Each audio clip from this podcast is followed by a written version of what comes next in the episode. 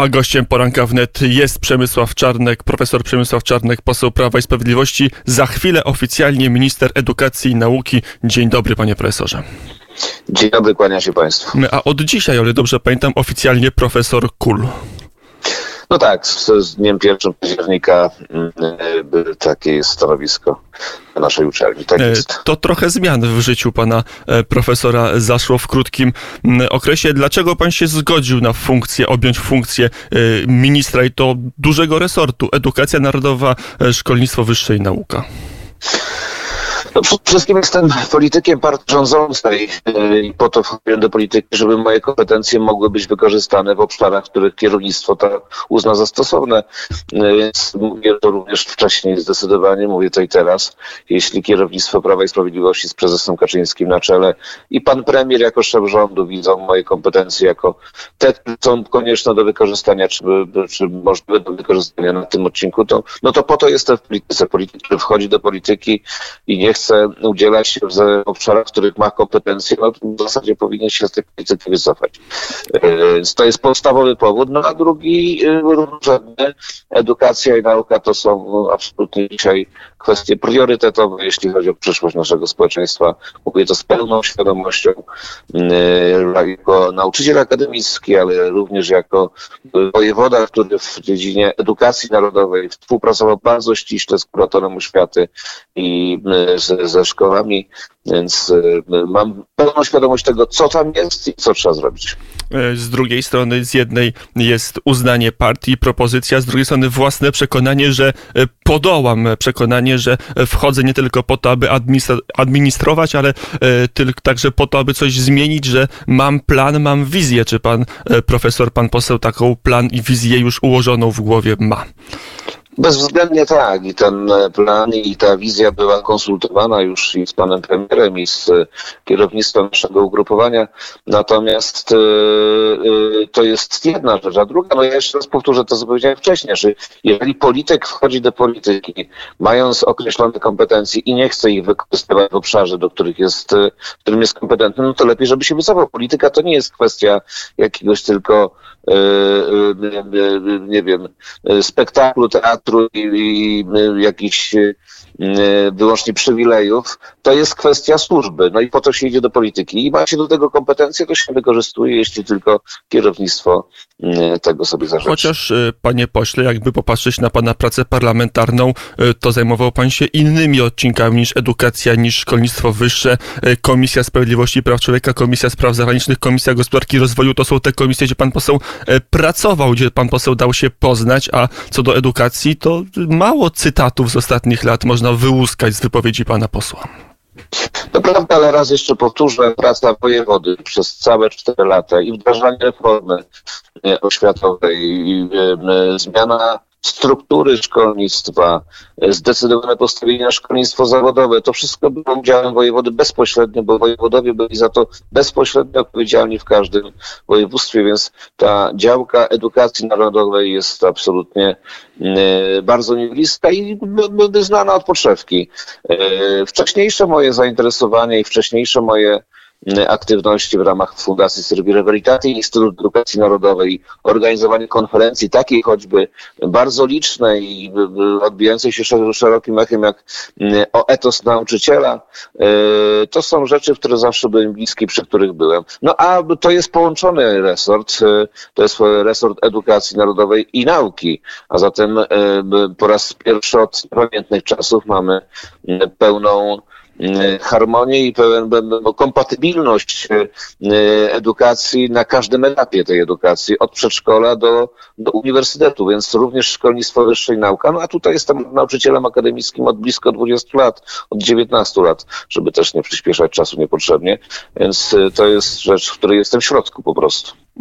To teraz przejdźmy do technikaliów, do tego, na co się mamy szykować, bo dużo pana dziennikarze pytają o, świat, o sprawy światopoglądowe, to już to sobie odfajkujmy na bok. Jak jeśli ktoś jest ciekawy, to może wielu wywiadów pana profesora także z ostatnich dni i godzin wysłuchać, ale mało kto pana jak profesora... Ja się cieszę, jak ja się cieszę z takiego podejścia pana redaktora, bo już nawet, nawet mi się już nie chce o tym mówić. No ileż razy można mówić w kółko to samo. No. To przejdźmy do tych priorytetów, bo o tym powiedział teraz pan profesor, że edukacja i uniwersytety są priorytety dla dla przyszłości pokolenia na antenie Radia Wnet dwa dni temu, czy trzy dni temu profesor Paruch wyznaczył w rozmowie ze mną trzy priorytety. W tych trzech priorytetach jest reforma edukacji, jak ona ma wyglądać, bo mówi się tak wśród polityków PiSu, udało się zmienić strukturę szkoły, ale treść została bez zmiany. Jak pan będzie chciał tą treść zmieniać? Niewątpliwie w niektórych podręcznikach szkolnych pojawiają się treści, nie chcę teraz mówić o konkretach, bo nie jestem jeszcze ministrem. Jak będę ministrem, będę mówił wtedy e, bardzo szczegółowo, ale pojawiają się treści, które nie mają nic wspólnego z linią programową, którą mamy w Zjednoczonej Prawicy. Ta pedagogika wstydu, która opanowywała polskie szkoły, polskie uniwersytety, polskie życie publiczne i kulturalne przez pierwsze 20 lat e, e, III Rzeczpospolitej, serwowana nam przez postkomunistów, przez liberałów, e, ona odchodzi, ale jeszcze całkiem nie odeszła. Musimy stawiać zdecydowanie na postawienie wielkości naszych zasług, również e, naszego bohaterstwa i męczeństwa Polaków, wielkich patriotów, którzy umierali za tą ojczyznę nie po to, żeby teraz ktoś mówił, że mamy się za nich wstydzić, tylko po to, żeby pokazać, jakie są wzorce zachowania. I naszym polega patriotyzm rzeczywiście, naszym polega bohaterstwo. E, każdy e, wielki kraj, a takim jesteśmy, i każdy wielki naród, a takim jesteśmy, przede wszystkim dba o to, żeby pokazać to, co piękne w jego historii, to, co piękne w jego teraźniejszości również. E, to jest taka ogólna wizja tego, co się dzieje e, w ogóle programowa, ale to, co, o czym mogę zapewnić jednoznacznie teraz, bez wchodzenia w szczegóły. W szkole i na uniwersytetach będzie spokój. Nikt nie będzie robił rewolucji, nikt nie będzie robił czegoś, co nie będzie uzgadniane ze środowiskiem, to jest zapewnienie, które dzisiaj, 1 e, października, inauguracji roku akademickiego, e, mogę tutaj za pośrednictwem Rady przekazać. Żadnej rewolucji.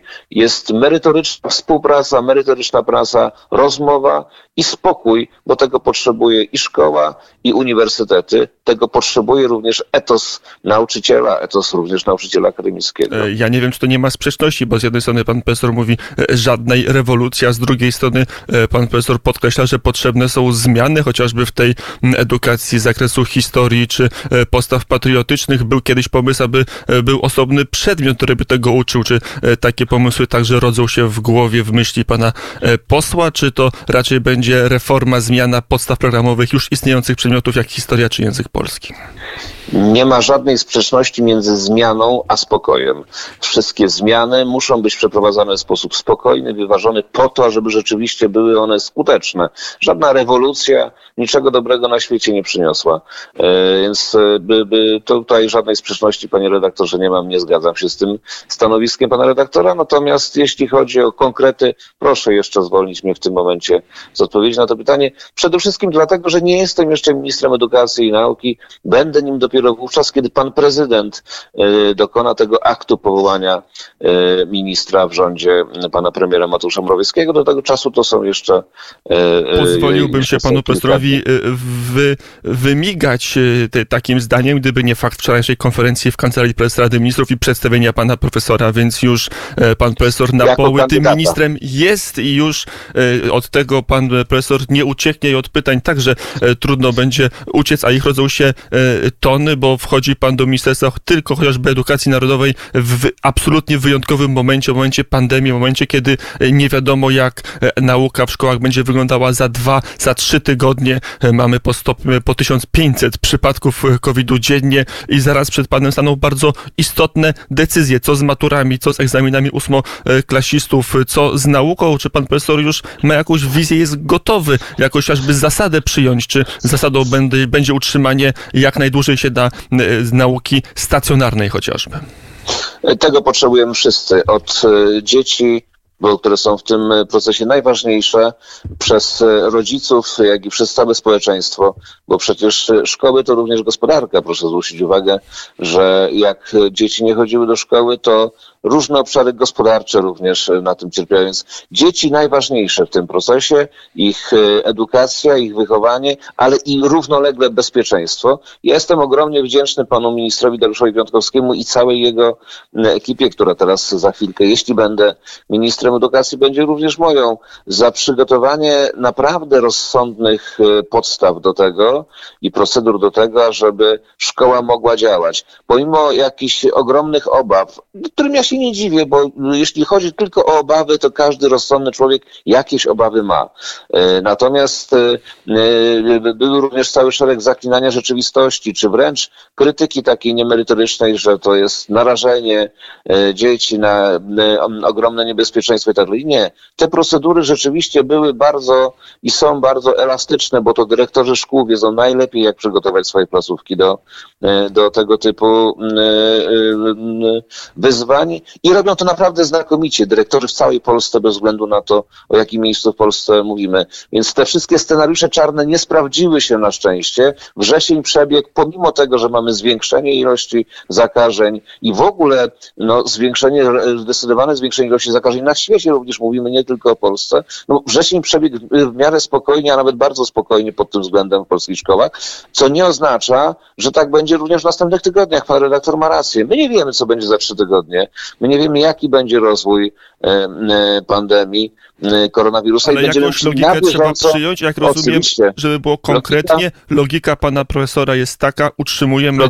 Oczywiście to powiedziałem. Logika jest taka, że wszystkim służy to, ażeby dzieci były w szkołach. No, mamy też uniwersytety, które dzisiaj rozpoczynają swoją pracę. Tu I które działają inna... bardzo różnie. Uniwersytet Warszawski no prawie w całości e, działa zdalnie poza e, laboratoriami, tam gdzie naprawdę student fizyki czy, czy, czy, czy chemii musi pójść do sali, bo w domu sam nie, nie zrobi tego, co, co, co, czego wymaga program studiów. No i tu, jest, i tu jest pewien rozdźwięk pomiędzy tym, co się dzieje w szkołach, a co się dzieje na uniwersytetach rozdźwięk wydaje mi się trochę duży, e, bo e, zagrożenia pewnie identyczne, a nawet mniejsze, jak się wydaje na uniwersytetach w wielu miejscach, przecież to zatłoczenie jest mniejsze niż, e, niż w szkołach. No ale temu będziemy się przyglądać. O decyzjach czy zaleceniach będą, będą decydowały wydarzenia kolejnych dni i tygodni. Przede wszystkim kwestia rozwoju albo nie, na szczęście. Jeśli tak będzie, pandemii koronawirusa, bezpieczeństwo w tym wszystkim jest tutaj. To jeszcze ja zapytam o uniwersytet. sprawę. E, e, o sprawy ogólne, ale jeszcze wróćmy na chwilę do szkolnictwa powszechnego, szkoły średnie. Wielu posłów, którzy są także profesorami, a należą do Prawa i Sprawiedliwości, mówią, e, że potrzebna jest gruntowna reforma programowa liceum, że oni chcą dostawiać takich absolwentów szkół średnich, jakich dostawali kilka, kilkanaście lat temu, a nie takich, jakich dostają obecnie, że poziom polskich maturzystów już nie przystaje do programu studiów, jakie są kształtowane na uniwersytetach. Bezwzględnie tak. Trzeba zadbać przede wszystkim o stabilizację e, e, wymogów i zasad egzaminowania w szkołach średnich. Dzisiaj jest tak, że bardzo często z roku na rok, nie bardzo często, tylko z roku na rok nie ma tej stabilizacji i tak naprawdę sami nauczyciele nie wiedzą do końca, jak przygotowywać dzieci, żeby wpisać się w te wymogi, które Centralna Komisja Egzaminacyjna gdzieś tam ustala. Temu wszystkiemu się będziemy przyglądać, a co do rzeczywiście jakości i wykształcenia i kształcenia, no proszę zwrócić uwagę, temu właśnie służyła ta reforma, która została wdrażana przez e, e, Ministerstwo Edukacji Narodowej pod kierownictwem pani minister Zalewskiej, który bardzo dziękuję za ten wielki trud, bo gimnazja i licea po trzy lata nie służyły rzeczywiście efektywnemu przygotowywaniu ucznia do matury i później do dalszej edukacji. To po, po pierwsze ta struktura, a za strukturą musi być rzeczywiście zmiana również e, e, programowa i zmiana e, jakościowa. zmiana matury, bo o tym się robić. E, bardzo głośno mówiło, że finalizacją tych zmian powrotu do czteroletniego liceum będzie zmiana formy i także trudności na co nieco wyższą egzaminu maturalnego. Panie redaktorze, przyjdzie na to czas, kiedy będę już ministrem. E, e, to jeszcze jedno, dwa pytania z zakresu uniwersytetu. E, pana ocena efektu reformy Jarosława Gowina Konstytucji dla nauki jaka jest? Bo w, chociażby pan marszałek Terlecki, wicemarszałek, miał dość krytyczną ocenę tych zmian wszyscy praktycy, którzy na bieżąco są w, w, w tym życiu akademickim i świecie akademickim, wiedzą, że reforma Jarosława Gowina przyniosła e, wiele pozytywnych efektów w różnych obszarach, ale jak to z taką reformą bywa, e, są również mankamenty na różnych odcinkach, które ujawniają się już e, w praktycznym zastosowaniu tej reformy i te mankamenty z pewnością będziemy, będziemy usuwać i będziemy korygować Co to za mankamenty? na bieżąco, na bieżąco po to, żeby po, po, po to, żeby... Profesorze, co to za mankamenty? Nazwijmy je. E, Są te mankamenty w obszarze zbyt ścisłego połączenia, może połączenia to jest źle powiedziane, ale trzeba odseparować nauki humanistyczne, szeroko pojęte od nauk ścisłych. Muszą, muszą być zupełnie inaczej oceniane, e, zupełnie inaczej kwalifikowane, ale to są takie kierunkowe e, rzeczy, No o to są bardzo mówię. ważne, Ale to, bo co, powstał to, Komitet Ratowania Nauk Humanistycznych, powstał No list właśnie. profesora Nowaka, właśnie. profesora innych profesorów, Będziemy- także konserwatywnych. I w tym będziemy- duchu będzie szła reforma? W tym duchu będzie szła reforma, ale również w innym duchu. Wszystkie nasze ośrodki akademickie, od Rzeszowa po Szczecin i od Białego Stoku po Wrocław będą traktowane tak samo, bo wszystkie mają ogromne, e, ogromny potencjał rozwojowy i wszędzie są naukowcy, którzy wymagają wsparcia e, bez żadnego kategoryzowania. I ostatnie pytanie. Kiedyś o tym rozmawialiśmy i na antenie, i poza anteną, że e, pan profesor przygotowuje się i ma plan, jak światopoglądowo odbić uniwersytet. Czy to jest dalej aktualne i czy to też będzie elementem pana misji w Ministerstwie Edukacji i Nauki? Wszystko będziemy robić, panie redaktorze, w uzgodnieniu ze światem nauki, e, ale przede wszystkim w oparciu o p- przepisy prawa obowiązującego w Polsce. Nie pozwolimy na wojnę ideologiczną ani w szkołach, ani na uniwersytetach. Tę wojnę, którą próbuje nam się serwować, szkoła i uniwersytety to musi być oaza spokoju do tego, ażeby rozwijać naszą młodzież, nasze dzieci, edukować, wychowywać i rozwijać naszą młodzież na uniwersytetach bez jakichkolwiek wojen. Powiedział od dzisiaj e, profesor Kul Przemysław Czarnek, prawnik, poseł Prawa i Sprawiedliwości, nominowany przez koalicję rządzącą na funkcję ministra edukacji i nauki. Panie profesorze, dziękuję bardzo za rozmowę. Kiedy nominacja prezydencka? Pan profesor już wie? Czekamy na informacje. Czekamy na informacje, a ja dziękuję za rozmowę i do usłyszenia. Dziękuję bardzo, kłaniam się Państwu. E, Mamy godzinę 8.30. To po takiej rozmowie należy nam się kawałek muzyki. E, Anna Rusowicz zagra i zaśpiewa na antenie Radia Wnet.